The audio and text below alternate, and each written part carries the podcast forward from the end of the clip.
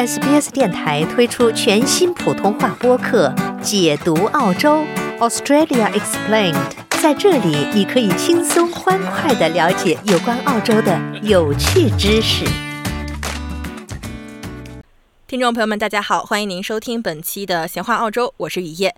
那今天呢，我们还是请到了特约嘉宾 Helen Louis 来和我们科普一下有关澳洲牛奶的其他一些小知识。在上期的节目之中呢，我们和大家说到了有关于澳洲常见牛奶的选择，以及澳洲常见的一些牛奶替代品。还记得 Helen 在上期的节目中有说到，澳洲大部分的牛奶都是经过均质化的处理的。如果是没有经过均质化处理的牛奶呢，上面就会浮着一层奶油。那今天呢，我们就从澳洲牛奶的一个衍生物奶油来说起，来谈一谈澳洲超市中奶油的选择。在之后呢，我们也会涉及到澳洲超市中黄油的选择。Hello，您好。哎，您好，雨夜。呃，听众朋友们，大家好。嗯，Hello，您好。我知道您也是对澳洲的奶制品是有一些小小的研究的。那在上期的节目中呢，我们也是说到了有关于牛奶以及牛奶代替品的一些知识。今天呢，就可能想让您来说一说有关于澳洲超市中常见奶油的种类。如果是从这个常见奶油的种类来说，澳洲超市中都有哪一些常见的奶油呢？呃，我觉得澳洲超市可能占比最大的奶油其实就是纯奶油。呃，也就是牛奶加工之后得到的奶油，这个呢一般是百分之三十五左右的脂肪，而且呢，澳洲超市的纯奶油呢，通常是呃，它叫 thickened cream，就是加厚奶油。其实它是主要是为了让，因为在国内的话，大家吃鲜奶蛋糕，所谓的鲜奶蛋糕呢，就是在蛋糕上有一层鲜奶油，鲜奶油也就是我们现在说的那个纯奶油吧。呃，鲜奶蛋糕上面的鲜奶油呢，在国内又叫做灌奶油，就是打发出来的增厚的奶油。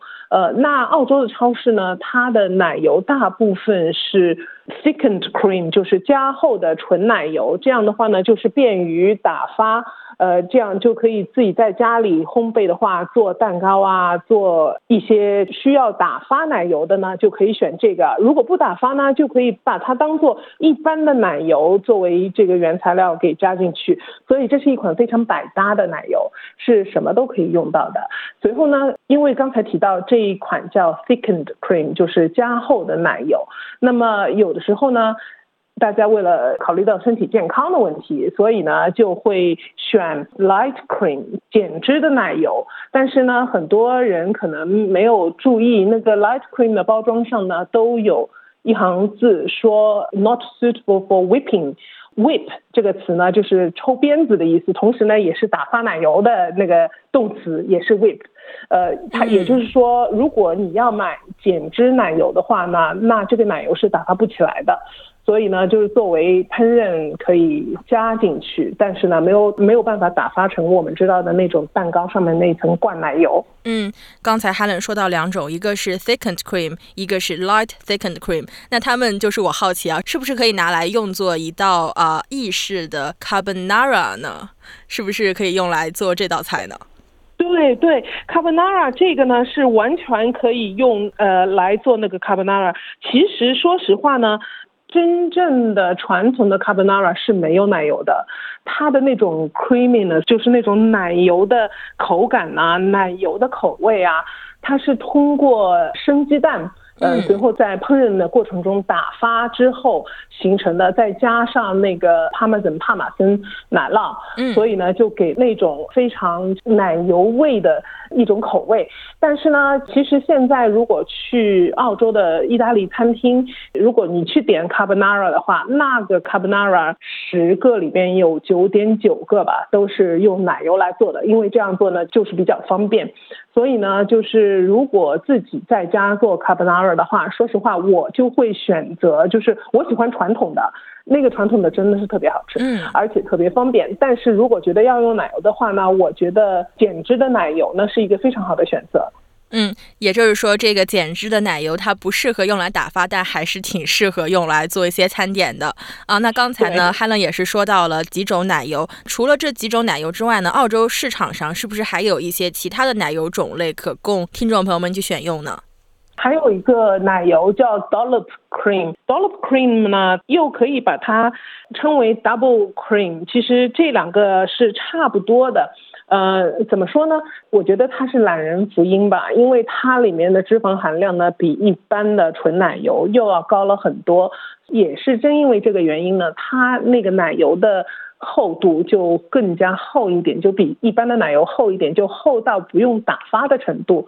所以呢，如果你不想打发，而且呢，呃，我不知道大家知不知道 Devonshire Tea，如果去澳洲的各种 tea house。去喝下午茶的话，呃，很多人喜欢点 Devonshire Tea 或者叫 Devonshire Tea，就看你怎么发音吧。呃，随后呢，很多的咖啡馆也会在那个菜单上也可以找到 Devonshire Tea。随后呢，那个司康的标配呢就是果酱跟奶油。一般来讲呢，他们是会用，要不就是灌奶油，就是经过打发的奶油，要不呢就用那个 double cream，就是双倍奶油或者 dollop cream。就是比较厚的那个奶油，其实这两个是差不多的，呃，这两个那就不用打发了。所以呢，呃，我个人非常喜欢 Devonshire Tea，我非常喜欢这个 scone，但是我觉得我喜欢的其实是它的那个味道的组合，不是司康本身，是司康加了一点点果酱，随后加很多奶油那一种口味的组合。啊，如果是在墨尔本的听众，可能都知道，在丹尼农的山上有一家非常网红的英式的下午茶店吧？不知道 Helen 知不知道这家店呢？对，Miss Marple。嗯，是的，感觉之前在旅游还开放的时候，这家店也是非常多来墨尔本旅游的喜欢这个英式甜点的人一个打卡的必要的一个点呢。刚才 Helen 也是说到啊，平时在吃这个啊 scone 的时候，一般都会配到这个奶油。就有的时候我在吃 scone 的时候，我可能比较懒一点啊，我一般都是去拿那种 whipped cream，就是你会可以直接晃一晃瓶子，然后给它再直接喷出来那种奶油去吃。不知道 Hello 平时会不会去选用这种奶油呢？一般来讲，我不会用那个奶油，因为我觉得罐装的，我觉得味道不正。所以呢，我就一般会，如果家里有那个 thickened cream 加厚奶油的话，我就自己打发一下。不然的话呢，我就如果决定今天我要做 scone，最后我要去店里的话，我可能就会买 double cream，最后就直接放在那个 scone 上面。但是 whipped cream 也是挺好玩的，我就觉得就像一个气雾罐喷出来的那种样子，其实是挺好玩的。嗯，在很多的这个美剧、澳剧中也是有表达啊，比如说一个女孩她失恋了，她就会买一瓶这个 whipped cream，然后直接往嘴里去挤 whipped cream 来表达她这个情绪不是非常的好。我感觉也是比较有意思的一个事情。那除去这些之外呢，是不是还有一些其他的奶油的种类呢？比如说一些比较小众的奶油种类。其他的呢，也不算是奶油吧，但是也算是一种呃延伸品。刚才说到的 scone，其实呢，去判断一个 scone 是好还是不好呢，就要看它是不是松软，硬邦邦的就不是好的了，就是一定要非常松软。而且呢，澳洲的烘焙小能手啊，呃，还有一些我不知道大家知不知道，就是 Country Women's Association，叫 CWA，就是乡村女子联合会吧，应该可以翻成。随后呢，他们每年都会出烘焙手册，呃，都是一些就是传承下来的一代一代相传的呃一些不同的菜谱。呃，scone 呢，当然是每年其实应该都有呃占一个地位的，在这边呢，很多人有两个诀窍，就是去做 scone，一个呢就是用 lemonade，就是用雪碧、七喜之类的，嗯，呃加进去，还有一种呢，就是与其用牛奶，它用用一个叫 buttermilk，那个 buttermilk 呢应该是叫酪奶，因为它里面呢有乳酸菌。所以呢，其实用 lemonade 跟那个 buttermilk 呢，这两个的原理是相同的，因为它是用里面的酸的成分，就让那个 scone 就变得更加的松软。所以呢，这个 buttermilk 呢，在超市也可以买到。还有一个呢，叫 cream fresh，这是法式酸奶油。所以呢，就是如果需要那些酸味的话呢，可以考虑那个。还有就是 sour cream 嘛，sour cream 就是一般的那个。酸奶油。嗯，我呢觉得一般的酸奶油，真的我至今没有发现，在全脂、脱脂、减脂之间有什么区别。我一直是买减脂的，完全吃不出有什么区别，所以建议大家就是买减脂的，不用买全脂的。最后呢，就是 evaporated milk 蛋奶，嗯，其实它是比应该是比牛奶的脂肪含量都要低。所以呢，它是一个奶油的完美替代吧。呃，大家可能知道，就是比如说做那个，尤其是泰式咖喱，有很多是会放那个椰奶的，但是椰奶的脂肪含量比较高嘛。这边有很多人呢，就是为了做咖喱，但是又不想放含脂肪量比较高的椰奶呢，他会用淡奶，用淡奶里面再加一些椰子的精华。这样的话呢，就又有椰奶的味道，但是又没有椰奶的脂肪，所以他们觉得这是一个很好的选择。嗯，那说了这么多有关于奶油的知识，嗯，Helen 平时会不会去自己打发奶油呢？这种机会多不多呢？多多，一般来讲，我是经常要备一些奶油的，随后呢需要打发的话，我就会自己去打发。嗯，那这里有没有一些打发时候的小贴士可以提供给听众朋友们呢？呃，其实奶油打发呢，呃，我知道，如果是对烘焙感兴趣的话呢，有两样东西是一直要打发的，一个蛋清，一个是奶油。蛋清呢，打发起来特别的快，但是奶油打发呢，可能比蛋清需要花费的时间长一点吧。但是呢，注意两点，一个是盆干净，还有打发的打蛋器啊，或者打发的那个设备啊，都一定要干净。这样的话呢，才保证没有杂质，才打发得起来。这个呢是同时适用于蛋清跟奶油两个都是这个道理。呃，就顺便说一下，如果要打发蛋清打发的起来呢，那个蛋清要回到室温，而奶油呢是恰恰相反，奶油是必须在冷藏温度的情况下打发，温度越低的话呢，打发的效果越好。嗯，所以如果大热天的话要打发奶油，其实澳洲很多呃澳洲人也会碰到这种情况，因为 Pavlova 我们之前好像提到过的。那个蛋白蛋糕是澳洲的一大国宝嘛？没错，那个上面就是灌奶油的装饰。所以呢，在圣诞节聚会的时候，如果大热天得打发奶油的话呢，那可以建议就是把放奶油的小盆架在一个放满冰块的大盆里，就保持奶油的温度低，这样的打发起来呢，就是比较省力，时间比较短，而且容易打发的起来。嗯，那如果是打发不够或者是打发过头，都会有一些什么样的征兆呢？呃，打发不够呢，就是这个奶油就呃成不了型，但是打发过头呢，啊，如果真的打发过头，那恭喜你，可能你就自己家里就制作出了黄油，因为打发 打发过头的话呢，奶油就会油水分离，最后油的那一部分呢，其实就是黄油了。嗯，那既然我们现在聊到了有关于黄油的这个话题啊，那澳洲超市中的黄油也是多种多样，真的是有非常多的种类去供大家选择。对这个黄油的种类来说，我知道一般可以分作是涂抹式的，以及是一个烘焙专用的。可不可以请 Helen 给听众朋友们来简单的介绍一下呢？对，一般呢是呃，它有涂抹式的，就是 spread。呃，是用来涂抹的，要不呢就是用来烘焙，就是 bake。随后呢，其实澳洲的黄油，我觉得也是经过了就是多次的演变，因为黄油是一个历史最悠久的一个产品了吧。但是就我家里的经验来讲呢，就是我的婆婆她是一个呃烘焙能手了，但是呢，她刚刚一开始呢，当然是都用黄油的了，随后呢，他们都转到那个 margarine。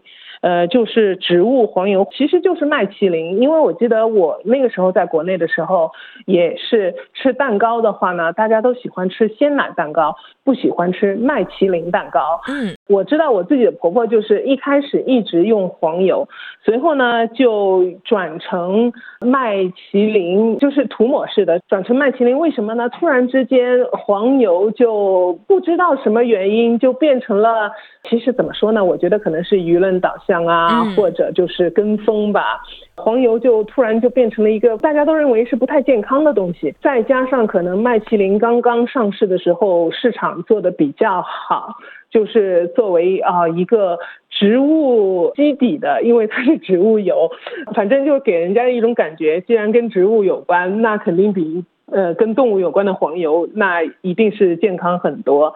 所以呢，大家都跟风转向了麦淇淋。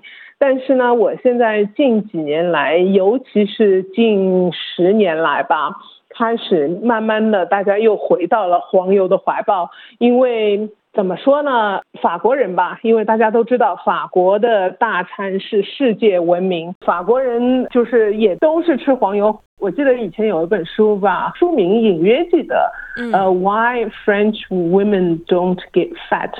为什么法国女人不会发胖？法国的饮食黄油特别重，但是呢，他们总体来讲还是挺健康的。其实澳洲作为一个国民健康水平来讲，并不是特别高，呃，就是肥胖的人特别多嘛，所以大家其实也都觉得，也都感觉到了，就是黄油并没有呃以前说的那么那么 evil。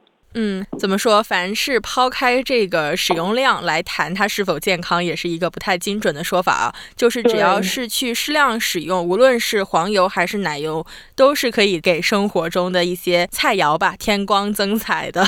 嗯，对，因为后来呢，大家又发现，就是麦淇淋其实它在生产的过程中，那个氢化的过程会造成很多反式脂肪酸，所以呢，反而就是跟黄油相比，对身体来讲更呃有危害。但是当然了，现在其实麦淇淋它的工艺也有所变化了，就是它本身所含的反式脂肪酸呢，跟以前是已经没有办法比了。反正见仁见智吧，就像呃，雨燕您刚才说的，而且呢，英语有句话就是 everything in moderation，什么就是适量，适可而止就行。嗯，真的是适可而止，也是生活中很多事情的一个真理啊。那再说回这个涂抹式的黄油，澳洲人在生活中一般使用这个涂抹式黄油的机会多吗？因为我个人来说，只是早上可能偶尔吃面包的时候会去涂一些黄油，应该也不能说是黄油吧。我一般是会用黄油的代替品，就是那个橄榄油做的一个 spread，应该里面也会有黄油的成分吧。呃，要看每一个品种，每一个都不一样嘛。其实澳洲人也就是涂抹式呢，也就是在面包上面涂一下。但是呢，因为他们吃面包吃的比较多，所以呢用的比较多。现在超市比较流行的就是 spreadable butter，就是可以涂抹式的黄油。因为虽然说黄油用来涂抹，但是纯黄油本身在冰箱里放过之后呢，就特别的硬，所以呢就是呃很难涂开。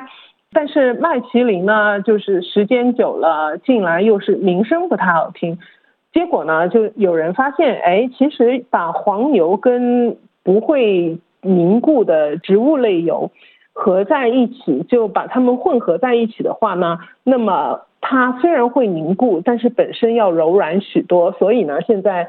超市里就可以看到许多涂抹式的黄油，所以如果你是一个非常讲究纯正的人，那么它其实从严格意义上来讲，它不是 butter，它不是黄油，因为它里面掺杂了植物油。但是呢，因为工艺不一样，它本来就是植物油掺黄油，它就不会凝固到非常硬的程度，所以呢，它一般来讲是不会有反式脂肪酸的问题。所以呢，这是一个还是一个挺好的选择。不然的话呢，要把冰箱里的黄油拿出来，要让它回暖一段时间，不然的话真的是涂不开，吃起来也是比较费劲儿啊。那现在澳洲市场上有可以直接涂抹的纯黄油可供大家选择吗？呃，有一种我家呢经常买，就是那个 Mainland，它这个牌子它有一个叫 Spreadable Butter，我不知道它的工艺是什么样的，它的口号就是 Real Butter Spread Cold，就是真正的黄油，但是在冷的情况下就可以涂抹。呃，这个呢的确是比一般的黄油要软很多，但是我不知道它的工艺是什么，但是我觉得就是大家。看着办吧。如果你家天天早上会吃面包，会要涂黄油的话，呃，而且家里人丁兴旺，那建议大家去买这个试一试。而且呢，我建议大家买那个 salt reduced，就是低盐的那个种类，因为低盐的那一个呢，其实我觉得吃上去，呃，香味一点都不减，也吃不出真的好像盐低到哪里去。所以。我觉得还是不错的。但是呢，它有一个缺点，我不知道是它的工艺造就呢，还是它最终本身毕竟还是黄油。如果家里就是吃面包的机会不是特别多，只是偶尔吃一下的话，我还是建议买涂抹式的黄油，就是掺杂了那个植物油的那个黄油，因为这个呃 mainline 那个 spreadable butter 就是真正的黄油，它那个盒盖。一开一合，一开一合，久了之后，它会慢慢的变硬的，所以用到最后呢，如果不能尽快用完的话，到最后就其实跟一般的黄油没有什么区别，还是特别的硬。嗯，居然还有这种情况，看来还是可能比较适合家里经常会吃面包，或者是家里人比较多的情况。那刚才呢，Helen 是和我们分享了有关于涂抹式黄油的一些知识。那我知道澳洲呢还有一种是烘焙使用的黄油，比如说在超市中可以经常看到的一块一块的这种黄油。那这种黄油又有一些什么样的知识？听众朋友们可能需要知道一下的呢？这种黄油其实它就一般分两种，一两三种吧，应该是一种加盐的，一种盐比较少的，还有一种就是完全不含盐的。一般来讲呢，烘焙的人呢比较喜欢买完全不含盐的。但是呢，我觉得就是我个人呢，在我烘焙的甜点里面，我可以吃到一点咸味，我非但不介意，我还是挺喜欢的。所以呢，我无所谓，就是。呃，我看情况，我两个都会买，但是不一定就是一定要用无盐黄油。这个呢，可能是最大的分类吧，就是最基本的分类。随后呢，还有一种叫 cultured butter，这个呢是有乳酸菌培养过的吧，应该是有一点酸味的。嗯，其实呢，cultured butter 在欧洲非常普遍，因为欧洲很多的黄油抹到面包上，你吃一下就会有那种隐隐的酸味。其实我觉得那个还是挺。挺好吃的，当然了，除此之外呢，就是衍生物了，那就是 not butter，不是不是黄油了。呃，其实呢辣就是大家喜欢吃的猪油。我呢，呃，知道，其实，在澳洲的超市是有买的，它叫 lard。怎么说呢？我觉得就是，呃，我们中国人喜欢吃猪油，我觉得猪油特别香，我个人特别喜欢吃猪油。其实国外食品橱就放食品的地方，除了叫 pantry，pantry 就是放食品的食品橱嘛，嗯，还有一个呢叫 lard，lard 就是 L A R D，它就猪油的意思，最后后面再放个 E R，这个也可以是用来叫食品橱，就是放食品的柜。呃，放食品的、储存食品的地方叫拉的。随后呢，在那个澳洲的超市呢，你可以买到一块一块跟黄油包装简直一模一样的，就是一块砖头一样的那种猪油。辣，但是我没有吃过。你有没有吃过？呃，我是有尝试过的，但是澳洲的猪可能跟中国的猪还是有一些区别的。澳洲猪它的味道会比较重一点，这一点也反映在了超市中卖的猪油身上。如果是想用它来做一些。呃，我是南方人嘛，比如说南方人比较喜欢的一些食品，清汤面呀之类的，当时我们在国内都会去给它挖一小勺猪油，去给它提鲜增香。可是，在澳洲，你如果是用澳洲超市卖的那个猪油去做的话，它会。怎么说，就是充满那个澳洲猪的一种奇怪的味道，可能也是一个个人口味的原因吧。但是我觉得澳洲超市中卖的猪油用在烘焙的时候，比如说用在做酥皮的时候，反而这个味道不是非常的重。澳洲人把它做成这个跟黄油一块儿的这样一个形式，也是想提醒大家，这个猪油可能是更适合烘焙用一点的吧。这个确确切情况我也不是特别的了解啊。那 Helen 如果说没有。用过这一种超市中卖的黄油的话，您是会在家自己去？嗯，对自己会。其实我对这个不是特别有研究，但是我父母来的时候呢，他们就说：“哦，我们给你熬一点猪油。”但是呢，他们就跑了一圈，他说：“哎，澳洲的超市根本找不到板油。”但是我说：“哎，我看到啊，有那个呃，他说这个是给熬猪油用的肥肉。”他说这个不是，一定要板油，板油好像是母猪就是腹部这一块油吧。他说这个熬出来的特别香，但是呢，在没有板油、没有真正的板油的情况下，那反正能够用猪的油脂去熬一点猪油，我觉得。味道还是可以的，因为我其实自己呃一直会熬一点猪油放在家里，慢慢的就吃馄饨啊、吃面的时候都可以，就跟爷爷你说的一样，就挖一小勺放在里面，就特别的香。还有呢，呃，还有一种油脂就是烘烘焙的油脂呢，要跟大家讲一下，叫 COPHA，叫 C O P H A，这一个呢，它其实就是精炼的那个椰子油，嗯。它是凝固的，就是一块一块，其实跟那个黄油一样，也是一块砖头那样的。Coffee 呢，我知道家里有孩子的，肯定孩子喜欢吃 rice bubbles，就 cereal 的一种嘛，叫 rice bubbles。呃，rice bubbles 它我不知道现在的包装，之前呢 rice bubbles 包装总是有一个菜谱，一个 recipe，它叫 white Christmas，嗯，白色圣诞这一个小点心。就是用 coffee 来做的，所以大家如果去网上搜一下 White Christmas，就是白色圣诞这个点心的菜谱啊，就可以看到它是用 coffee 跟 rice bubbles，最后再加一些其他的东西混在一起。我其实觉得挺好吃的，但是不能多吃，的确非常油。嗯，就是说他用这个氢化的椰子油做的这个糕点好吃，但是并不健康，并不适合多吃，是吗？对，好吃的东西仿佛。大多都不太健康，还是像之前说的，只要是适量使用，感觉什么东西都还是可以去吃一点的，只要控制好这个量就可以了。